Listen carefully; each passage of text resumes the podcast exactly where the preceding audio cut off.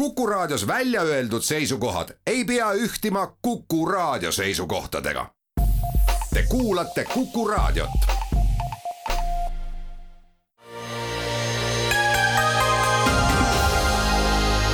poliitikakuru. poliitikakuru tervist, alustame saatega ja soovime esmalt äh, Lätile head iseseisvuspäeva ja jõudu, et äh, lätlased ka ikka saaks äh, millalgi nüüd varsti uue valitsuse kokku, aga lätlaste muredega me täna rohkem ei tegele, et tegeleme rohkem kodumaiste ja, ja muu maailma muredega ja neid aitavad täna lahendada Keit Kasemets. tere päevast! Andi Hektor. tervist! ja Tõnis Leht ja jutuks võtame võimaliku uue põgenikelaine Ukraina suunalt äh, punasümbolite maha hõõrumise, peretoetused, äh, ehk jõuame rääkida kaks sõna ka Donald Trumpist ja, ja mõnel teemal veel. aga äh, sel teisipäeval tabas üht Poola küla kümnekonna kilomeetri kaugusel Ukraina piirist raketirünnak, peagi küll ilmnes, et tegu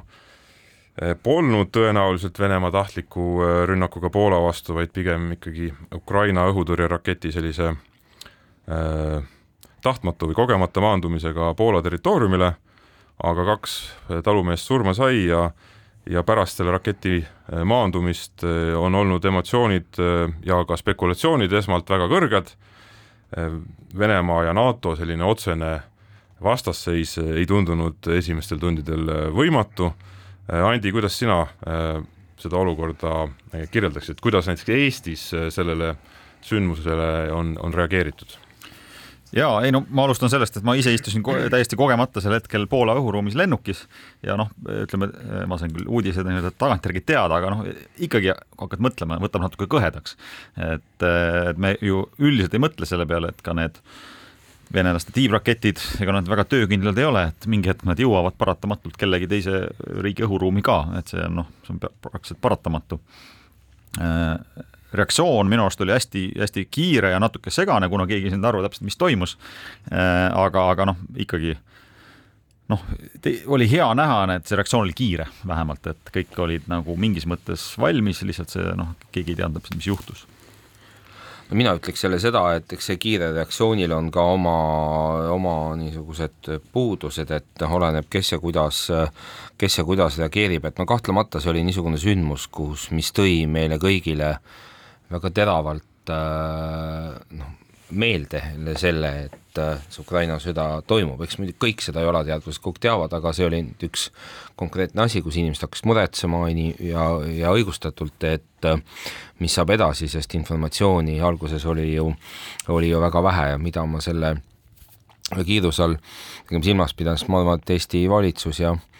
ja, ja, ja president ja kes siin sõna võtsid, kindlasti reageerisid väga väga mõistlikult ja, ja tasakaalustatult ja andsid tegelikult siis selle selle väga õige ja põhilise sõnumi, et mille, mida ju Ameerika president siis äh, äh, ka sõja alguses kogu aeg kordas sedasama lauset, et me kaitseme igat, äh, igat sentimeetrit NATO territooriumist ja, ja Poolal aitame seda, Poolal aitame seda kaitsta, aga noh, võib-olla see üldine sotsiaalmeedia foon oli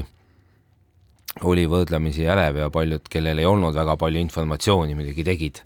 jõulisi, äh, jõulisi statement'e ja võtsid seisukohti, et mis äh, noh, tagantjärele võib-olla ei tundu kõige mõistlikumad, et eks niisugustes olukordades ikkagi tasub alati noh, oodata ära, et mis siis see päris, päris olukord, olukord tegelikult äh, on, aga noh, ma arvan, et sellest mitmeid järeldusi kindlasti ka nii-öelda Eesti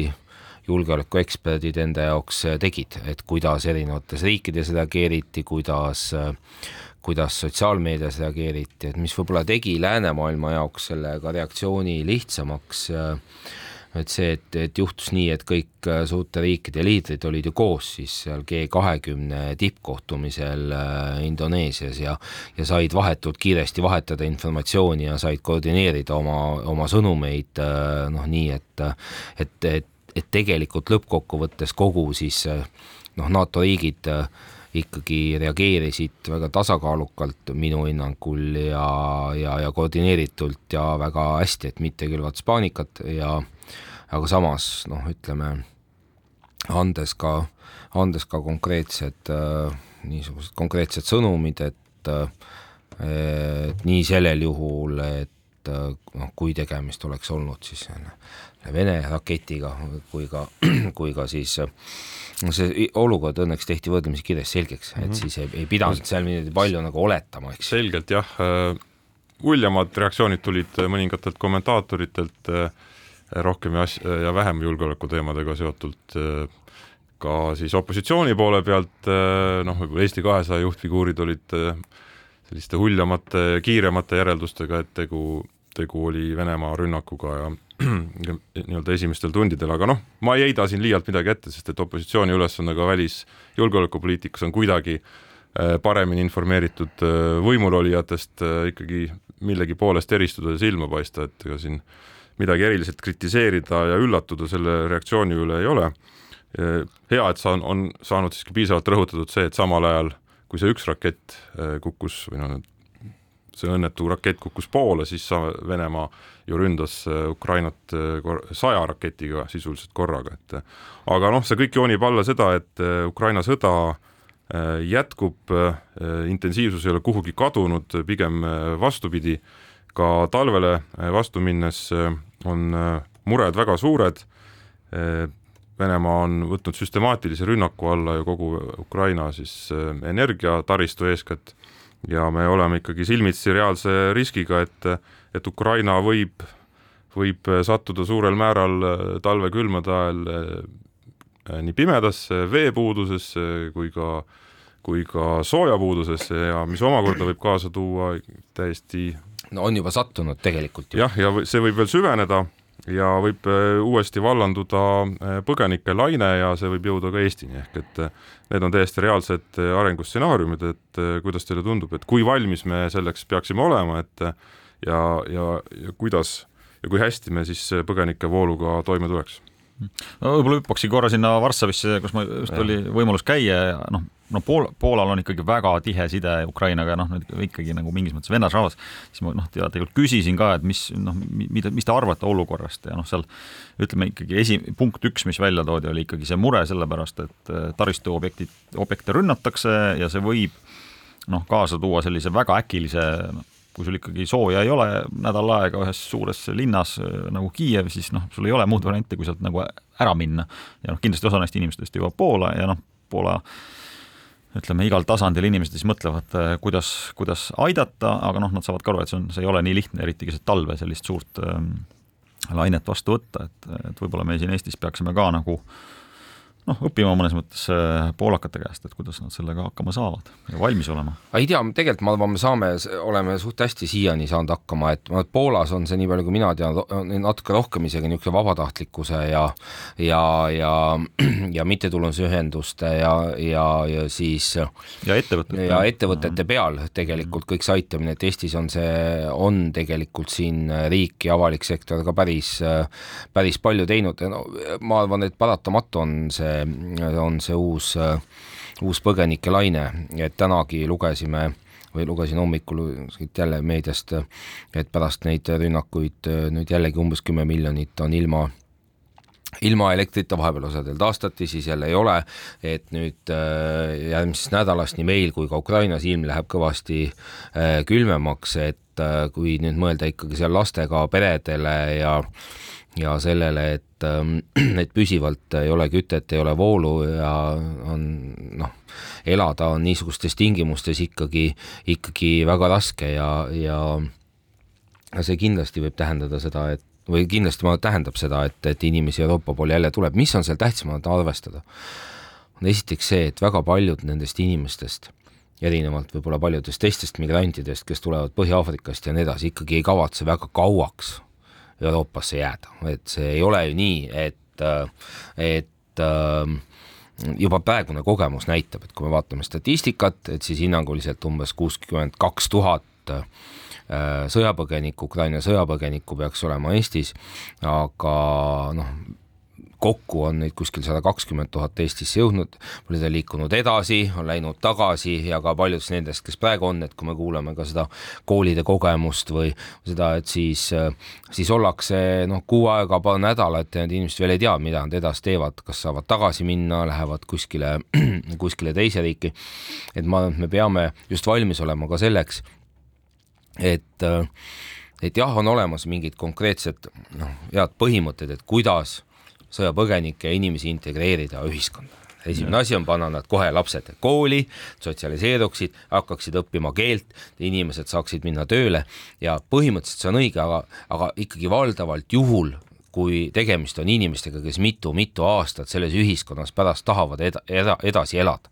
et, et mis teeb just keeruliseks, ma arvan, selle, selle sõjapõgenikega tegelemise Eestis on see, et paljud neist ei taha tegelikult olla väga kaua, et kohe, kui elekter noh, ütleme, tekib stabiilsem olukord, enam seda pommitamist ei ole ja elekter ja küte on stabiilsemalt tagasi, ma arvan, et enamus neist tahab, tahab kohe tagasi minna Ukrainasse, mitte arvan, näiteks see, siia jääda. see potentsiaalne uus laine, mis nüüd sel talvel äh, võib tulla, ta selle poolest eristubki, et need inimesed on tegelikult juba nii kaua seal vastu pidanud Ukrainas, et eh, kui nad nüüd lahkuvad, siis muidugi tõesti väga no osa on võib-olla vahepeal lahkunud, siis on tagasi just, läinud, nüüd jälle tegelikult ja, ei saa seal ja. olla, tulevad jälle ära. aga nad igal juhul et, äh, tulevad, tulevad kiirema naasmise lootusega, et kui talv saab mööda ja ilm läheb soojemaks ja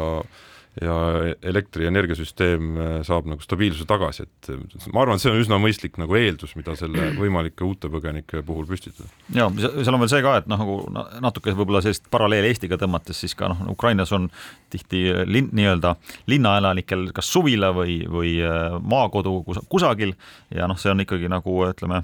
nagu Eestiski, et kui selline elekter ära läheb, siis tihti maakodus on sul olemas ahi ja, ja kaevust vesi, mida sul linnas ei ole, et, et ka see nagu natuke pehmendab seda. ja noh, teine asi, mida võib-olla tuleb silmas pidada, et kui, kui me räägime Poolast, siis need Poolasse jõuavad see kui seal midagi juhtub, jõuab see laine väga kiiresti, sealt tuleb väga palju väga lühikese ajaga. et Eesti on selles mõttes eemal, meile jõuab see kõik ka kohale, aga, aga noh, ta on ajas nii-öelda rohkem laiali määritud, et me saame, meil on aega rohkem. võrdlemisi ikka oleme ka lähedal ja tegelikult Eesti, kui vaadata seda statistikat per capita, et siis siis Eesti on ikka seal päris tipus äh, sõjapõgenike vastuvõtmise osas, et kas kuidagi see on meile probleem, ei, ma ei arva, ma arvan, et see on ikkagi, ikkagi ongi meie panus, meie ühiskonna panus ka sellesse sõtta ukrainlaste toetamine ja ma arvan, see on auasi neid siin, äh, neid inimesi proovida siin aidata, aga kahtlemata see nii koolisüsteemile, sotsiaalsüsteemile, ähm, sellele, kuidas neid mõjutada, et, et ikkagi seab päris, päris suure väljakutse ja, ja noh, minu, ütleme just ikkagi kordan seda mõtet, et minu arvates äh, noh, see lahendus lõpuni ei saa olla see, mis praegu on valitud, et et, et kõik lapsed ilmtingimata peavad minema eestikeelsesse kooli, Eesti õppekavale, see koolidele paneb tohutult suure pinge ja siis ta seal kuu aega kuidagi saavad selle lapse siis äh, õppima, siis nad jälle lahkuvad, eks ju, ja see tegelikult õpetajate ressurssidele kõigile on väga suur probleem, et me peaksime ütles mõtlema ka niisugustele lahendustele, kus, kus see on tähtis, et on teada, kus inimesed on, ma arvan, see initsiatiiv, mis praegu on, et kuidagi selgitada välja, et kui palju ikkagi üldse inimesi on Eestis ja mis nad siin teevad, et eriti arvestades, et ka ka nagu uudistest on lugeda ja, ja kuulda, et ka ka see Venemaalt tulev surve on päris suur siis äh, asüülitaotluste osas ja, ja Venemaalt lahkuda soovijate arv on päris suur. et ikkagi sellel olukorral silma peal hoida ja, ja, ja ikkagi äh, noh, leida siis võimalused, et et, et on teada, et kes ja kus lapsed, millega nad tegelevad, et nad saaksid sotsialiseeruda, aga kas nüüd noh, no praegu on toodud välja. ma mõtlen, kui minu enda laps peaks kuu aega minema õppima lihtsalt kuskil täiesti võõrkeelses koolis ja siis jälle tuleme ära, noh et siis ma ka lapsevanema ütleks, et noh, et mingit väga suurt mõtet tegelikult praegu on toodud ole. välja, et kusagil kolmandik äh, kooliealistest äh, Ukraina põgenike lastest äh, Eestis nii-öelda koolis kuidagimoodi Eesti haridussüsteemis ei ole. et küll aga need, kes juba on Äh, selle tagajärg on siis see, et äh, eriti just Tallinnas, kus on üle poole neist äh, Ukraina põgenike lastest, kes siin koolis käivad, et on, on selge koolide võimekuse piir ette tulnud, seda räägib Haridusministeerium, räägivad koolid, omavalitsused, napib õpetajaid reaalselt, et aga no Keit, sinu järeldus siit oleks, et me tegelikult ei pea ja ma tegelikult jagan seda, et me ei pea nagu ütleme, lii-, me peame muretsema ja sellega tegelema, aga aga pigem vaatama nagu selle talve perspektiivis nii, et, et see kolmandik, kes ei käi, et see tegelikult on okei okay proportsioon, arvestades, et nad tõesti tulevad siia nii lühikeseks ajaks tõenäoliselt. ja ma, ma tõmban ühe huvitava paralleeli, et ma, mul on üks tuttav perekond, kes on äh, nii-öelda kliimapõgenik, et ka mingiks ajaks talvel lähevad äh, Lõuna-Euroopasse elama, kuna neil on seal sugulased ja ja nemad noh, saavad väga hästi hakkama, nii et nende lapsed tegelikult käivad Eestis koolis edasi virtuaalselt, et noh, miks me siis nende puhul ütleme, et nemad võivad nii ja nüüd Ukraina põgenikud, kes võib-olla kuu aja pärast lähevad tagasi, ei või seda teha vot just, no seal vist tulevad nüüd need,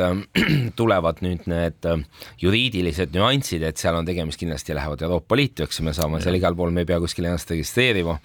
Need inimesed ajutise kaitse saamiseks, ukrainlased peaksid ennast kuidagi arvele võtma, aga jah, põhimõtteliselt ongi mingis mõttes tegemist sarnase näitega, ma arvan, et mida me veel näeme, on see, et äh, Tõnis, nagu sa ütlesid,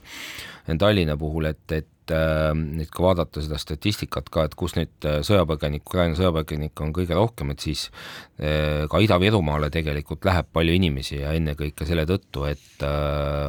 venekeelne haridus kahtlemata lihtsam mm., see kui õppekava on teistsugune, siis, ähm, siis äh, noh, sa ikkagi saad seal, lastel on koolis äh, lihtsam ja teiseks ka mm, ikkagi lihtsam leida võib-olla elamispinda odavam, et äh, et eks ka see on üks nagu trend, millega me kindlasti peame arvestama, et, et missuguseid muutusi see siis selles piirkonnas päriselt, päriselt nagu esile kutsub. aga teeme siinkohal väikse pausi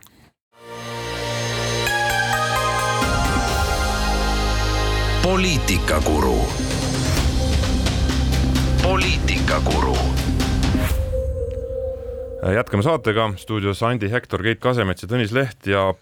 Ukraina põgenike teemaga jätkame. võimalused äh, äh, talvel külmema ilmaga ja Venemaa äh, jõhkra siis pommituslaine äh, tagajärjel äh,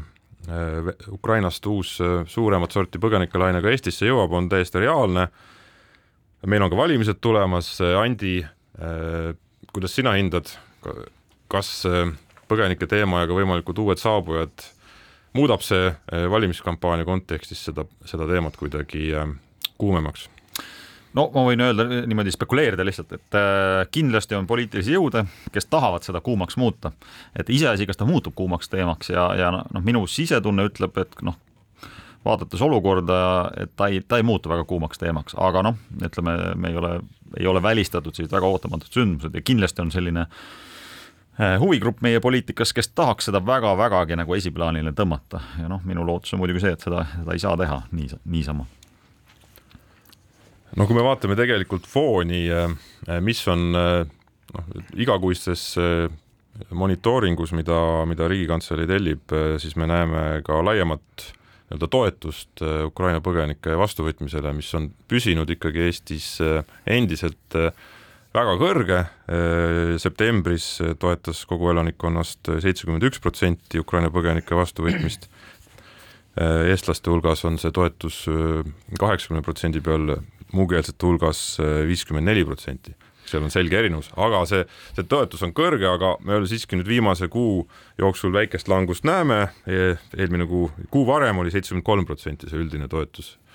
ehk et e, võib-olla väikesed märgikesed sellest, et e, see toetuskõver allapoole võib suunduda, on olemas, aga üldine foon on siiski jätkuvalt e, mõistev ja positiivne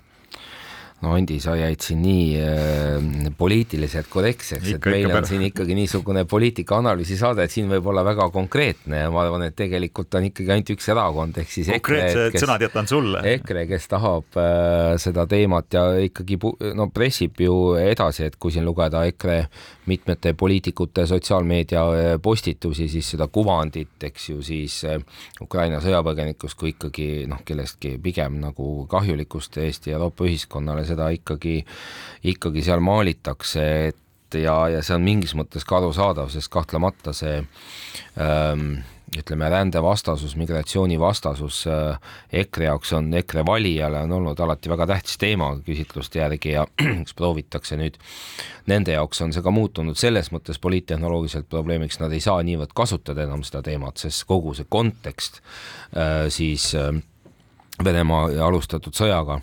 Ukraina suhtes on muutunud, et, et nüüd teine küsimus on jah, et kuivõrd see kuivõrd see päriselt võib äh, teemaks muutuda, aga mm. seal kindlasti mingid nüansid, mis muutuvad, et üks teema, mida ju ka ennekõike on ju seda näha, eks ju, siis mida Isamaa ju nii-öelda tõstab esile, on siis just see nii-öelda Äh, selge ülevaade ikkagi siis nendest inimestest, kõik me peame rohkem kontrollima, meil see asi peab olema selgem, äh, tegemist on ka julgeolekuga, nii et see on nagu mingi mingis mõttes niisugune kergem versioon sellest, et mida siis sa tahad öelda väike, väike EKRE. jah, teevad, et et ja see, seda kindlasti, et kui neid probleeme tuleb rohkem või mm, seda kunagi ei saa välistada, et ähm, et on, leitakse suur hulk inimesi, keda kuskil ei olegi registreeritud, eks ju, ja ja, ja noh, piirikontrolli on ka oluliselt tugevdatud, et, ähm, et noh, on nagu rohkem inimesi, kes kes siis on äh, tegelikult Venemaalt äh, tulnud ja et seda teemat veidikene rohkem kuidagi üles veel proovitakse tõsta, aga ma seda nüüd ei usu, et see muutub mingiks suureks päriselt nagu suureks valimiste teemaks, et no, valimiste äh, teema ta kindlasti mitte... on iseasi, kuivõrd no, teised erakonnad, EKRE kõrval eeskätt ja siis noh, vähemal määral Isamaa, kuivõrd teised erakonnad seda palli mängida võtavad ja pigem seni on nagu käitutud arukalt, et ei ole nagu liiga palju sellesse vaidlusesse EKRE reeglite järgi mindud, et pigem on rõhutatud seda, et Ukraina põgenike abistamine on Eesti julgeoleku üks alustalasid ja ka meie lihtsalt moraalne, moraalne kohustus, äh, millest, nagu me näeme küsitlustest, õnneks väga suur osa elanikkonnast endiselt saab hästi aru, aga küll see aitab, see võimalik äh, täiendav põgenikelaine aitab kindlasti EKRE-l oma nii-öelda tuumiktoetajate mobiliseerimisele kaasa, et seda teemat äh, põhjendada nii-öelda, et miks see on akuutne ja et äh, jah, tõepoolest meid ähvardab siin äh, omal maal jääda siis äh, slaavlaste kõrval vähemusse, mis ei ole muidugi ühest otsast tõsi. õnneks küll ei ole, jah. aga räägime pisut keeleteemadel edasi, et äh, haridusminister Tõnis Lukas on käinud välja eelnõu ettepaneku äh, muuta siis keeleseaduse nõudeid, milles üks see on värske teema sellest nädalast, kus kõige enam äh, tähelepanu või arutelu tekitanud punkt äh, on näiteks puudutanud ka äh, teeninduses töötavate inimeste keelenõudeid ja siis kõige konkreetsemad ka näiteks toidukullerite ja, ja taksojuhtide keelenõudeid, kes siis peaks, kui see eelnõu peaks seaduseks saama, suutma eesti keeles B1 tasemel oma klientidega ja noh, kogu maailmaga siis suhelda, et kuidas te hindate, kas see on selline valimiste-eelne mm, välgatus, millel elulootust ei ole või tegelikult tegeleme päris probleemiga? mina arvan, Tõnis Lukas päriselt usubki ikkagi, et äh, inimesed peavad rääkima kõik eesti keelt ja see on kindlasti Isamaa poliitika ka, et äh, seda valimiste eel on äh, hästi võimalik kasutada, ma samas ma usun ka seda, et päris probleem see kindlasti ei ole, et äh, et et, äh, et meil on see teema muidugi loomulikult, eriti jälle jõuame Ida-Virumaa juurde tagasi või jõuame koolideni tagasi, et meil on ka täna ju suur hulk äh, äh, erinevaid ameteid, kus inimesed ei räägi ikkagi eesti keelt, kus nad peaksid rääkima, et no kui ma lihtsalt lähen poodi või siis, või siis kohvikusse, et siis noh, ise ma tõesti võib-olla eeldan, et kui ma tahan midagi eesti keeles tellida või osta, et siis ikkagi müüja saab minust aru ja ma saan seda teha aga nüüd, kui me nendest kulleritest ja platvormi äh, töötajatest räägime, siis ma ei tea, ma ise näen, seal on kaks aspekti, ma arvan, mis on olulised, et, et üks on see, et äh, see kokkupuude äh, inimesega on ikkagi väga väike, et eriti toidukullerite puhul sa saad ju ka valida, et jätke mulle lihtsalt ukse taha ja kogu lugu, et äh, sa selle inimesega üldse, üldse kokku ei puutugi. Ja ma võib-olla ma eksin, aga ma ei usu, et et keegi nendest inimestest, kes neid platvorme kasutab, nagu eeldaks, et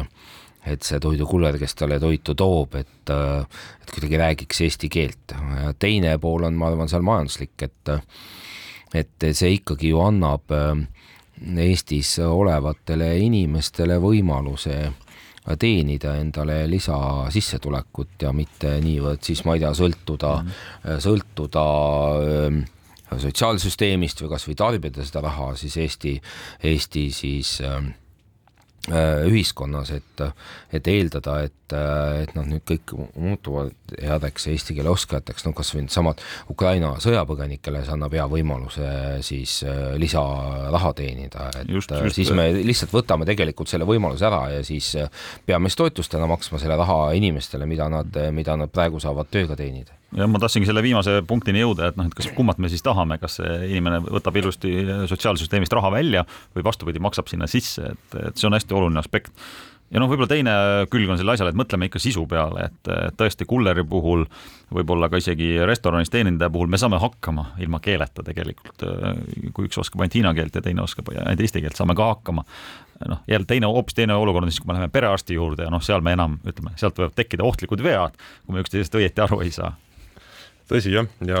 lisaks äh, nüüd Ukraina põgenikele muidugi välistudengid, eks ole, välisõppurid on need, kelle jaoks on sellised tööd väga hea võimalus äh, lisaraha teenida. paljud neist ei plaani Eestisse pikemaks jääda, seetõttu nagu neilt äh, ka keele süvendatud õppimist nõuda on pisut üleliigne eeldus, et seetõttu mina noh, eeldan, et tõenäoliselt muidugi see valitsuselt arvestades koalitsiooni koosseisu toetust ei saa see eelnõu hetkel, aga kui ka tulevikus peaks saama, et siis, siis ma arvan, korrektsiooni toob see, et meil lihtsalt ka järelevalve saab olema puudulik ja see olekski selle probleemi puhul nii-öelda üks praktiline lahendus, aga teeme siinkohal väikse pausi.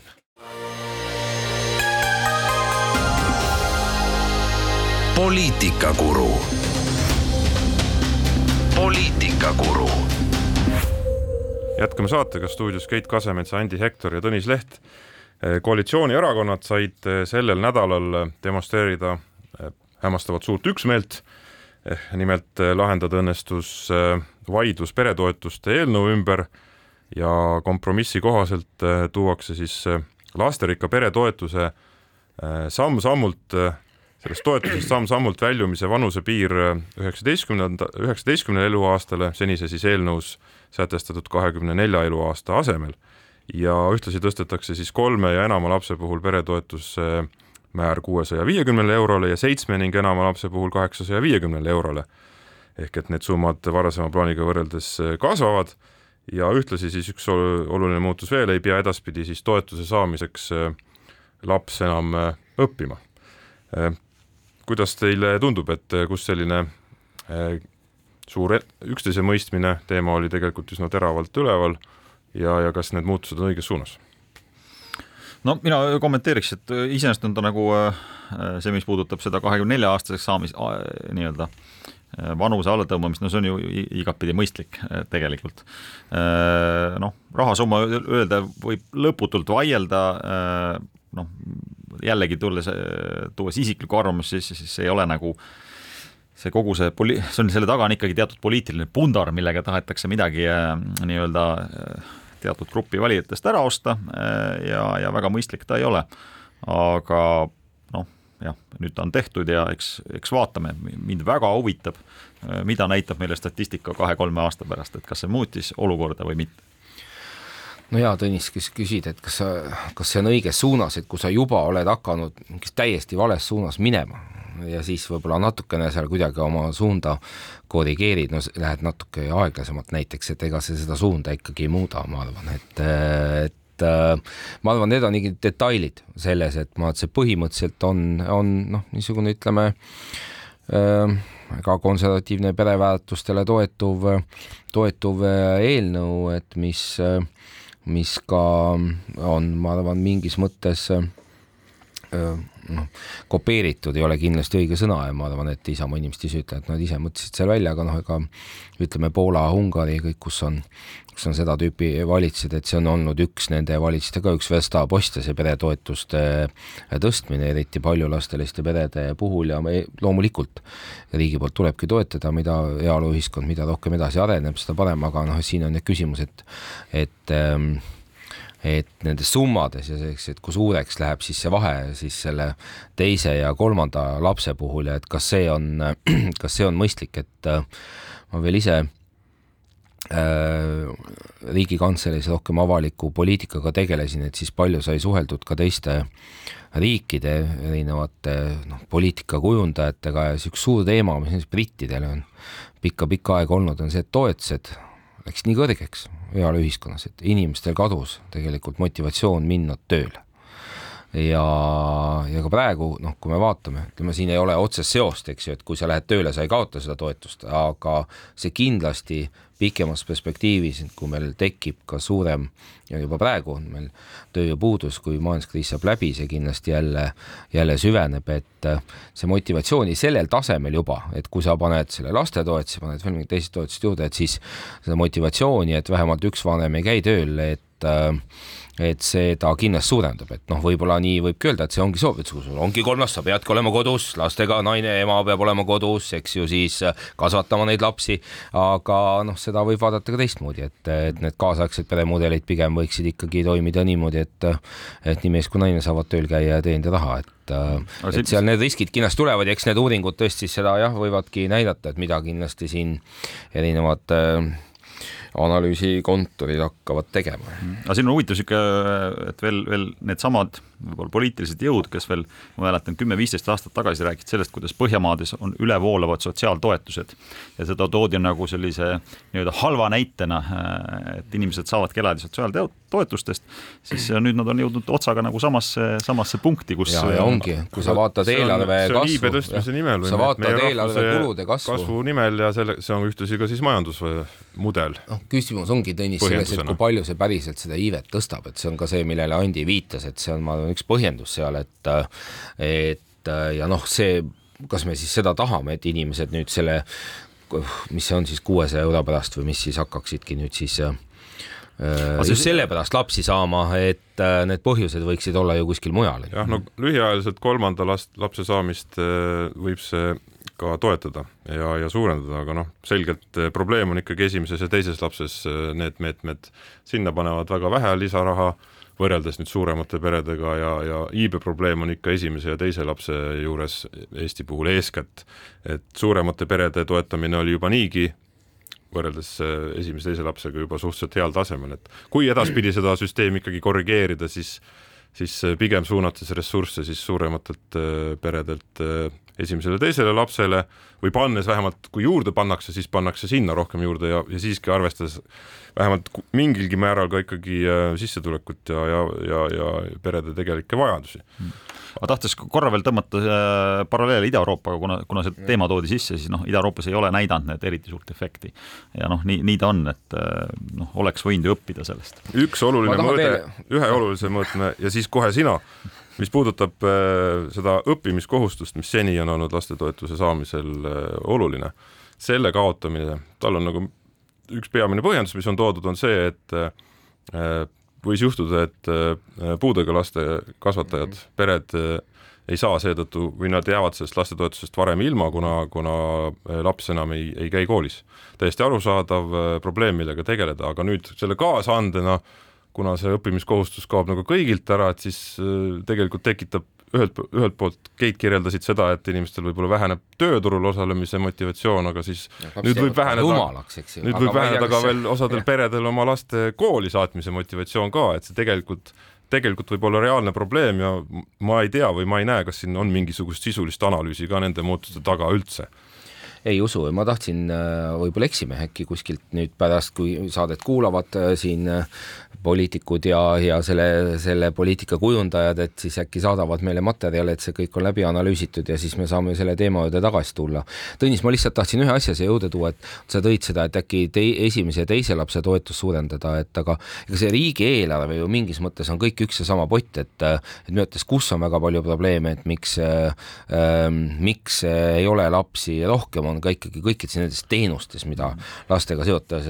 seoses pakutakse, lasteaiakohad, kool, siin koolitoit on väga halb, kõik ja nii edasi, et see kõik on ju, hariduse kvaliteet, see kõik on ju sellega äh, seotud ja ma arvan, pigem on,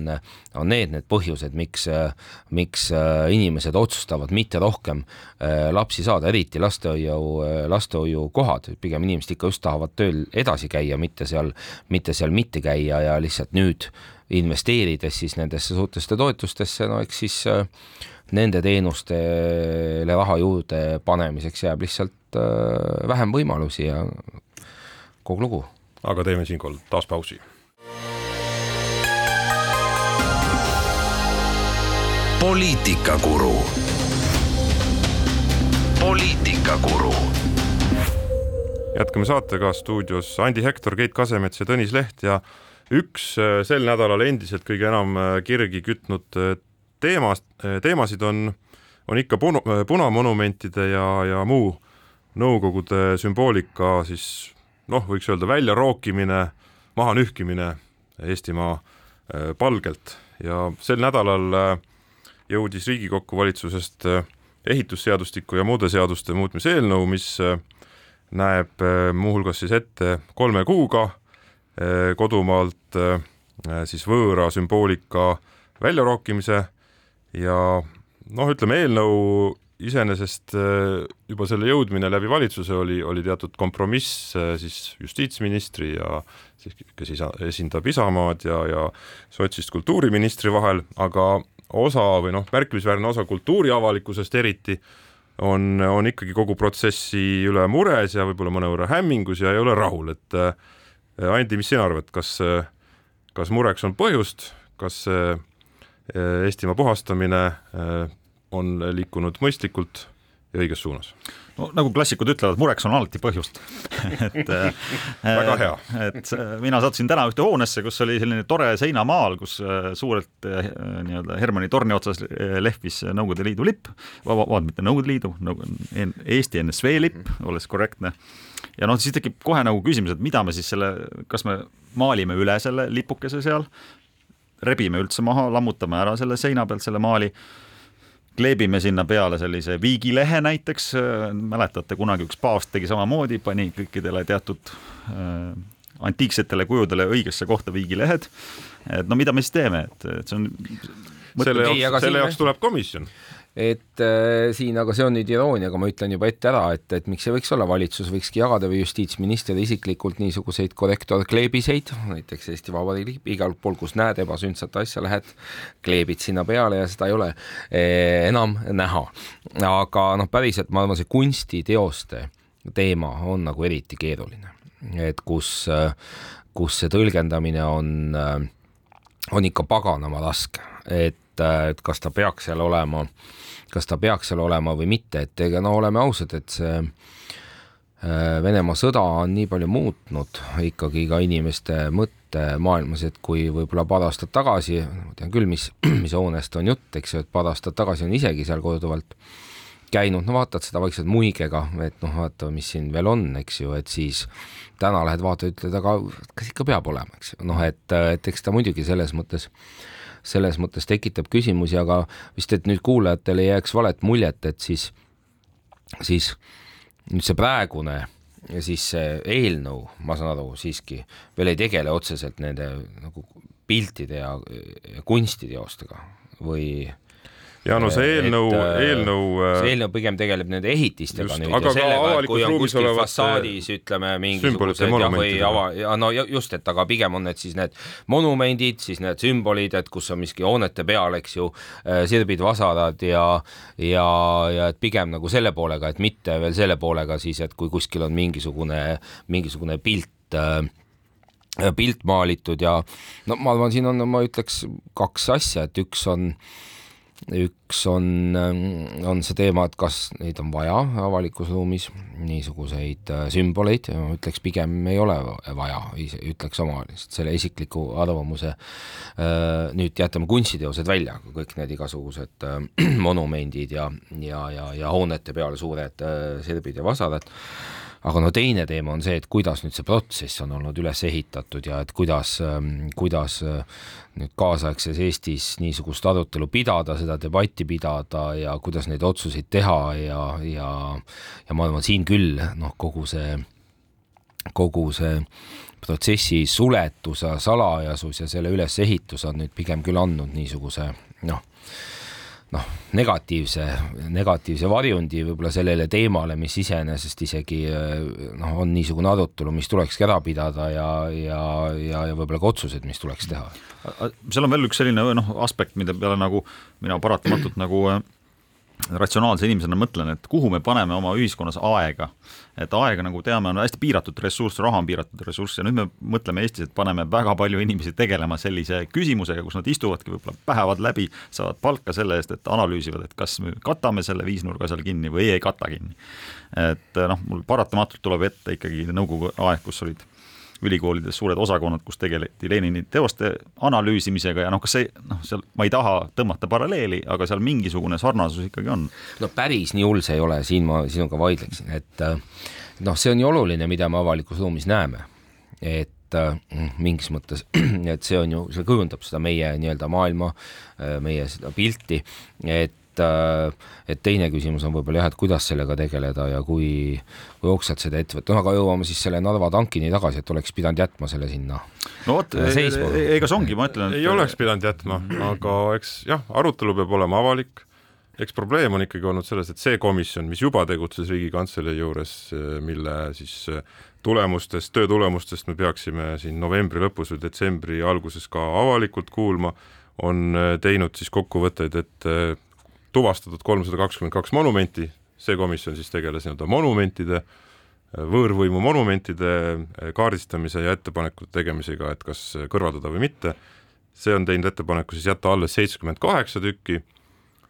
kuidas, millised äh, täpselt, mis see loogika seal taga on, need kokkuvõtted ma eeldan, et me siiski saame avalikult,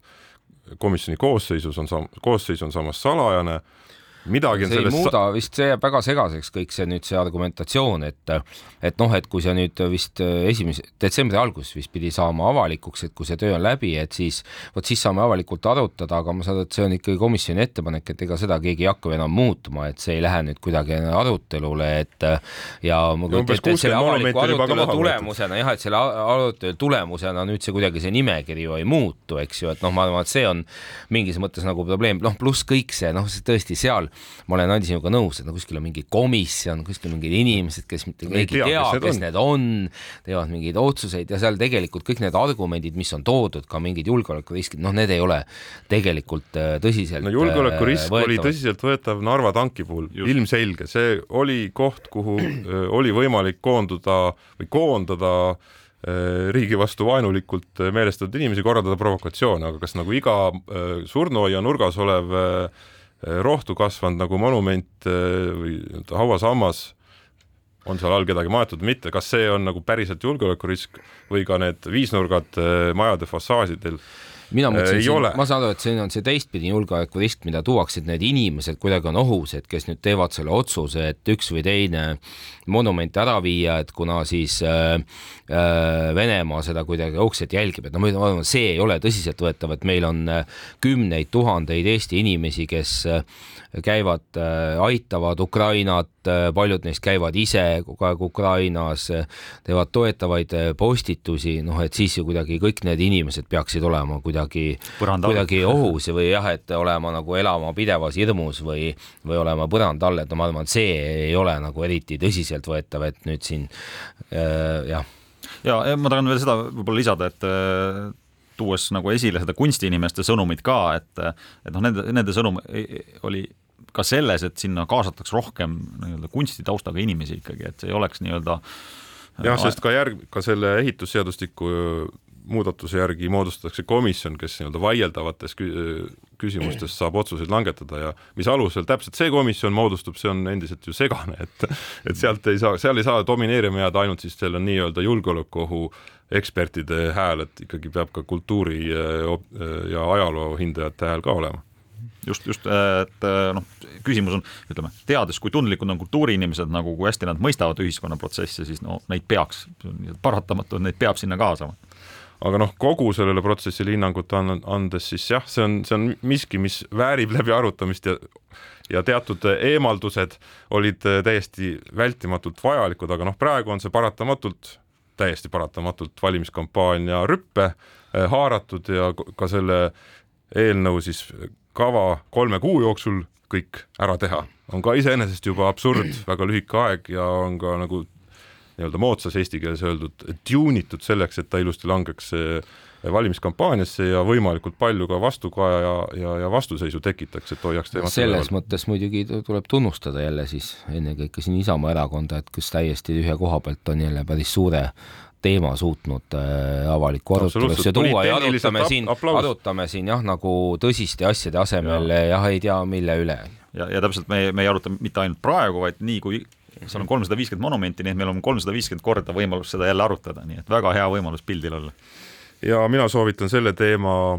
mitmekülgseks hindamiseks äh, lugeda siin päev või kaks tagasi ERR-i portaalis ilmunud äh, ajaloolase Peeter Kaasiku sellist väga head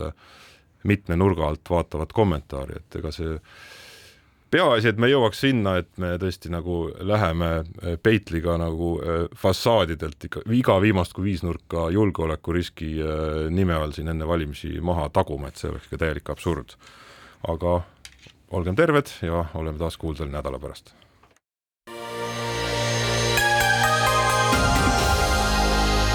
poliitikakuru poliitikakuru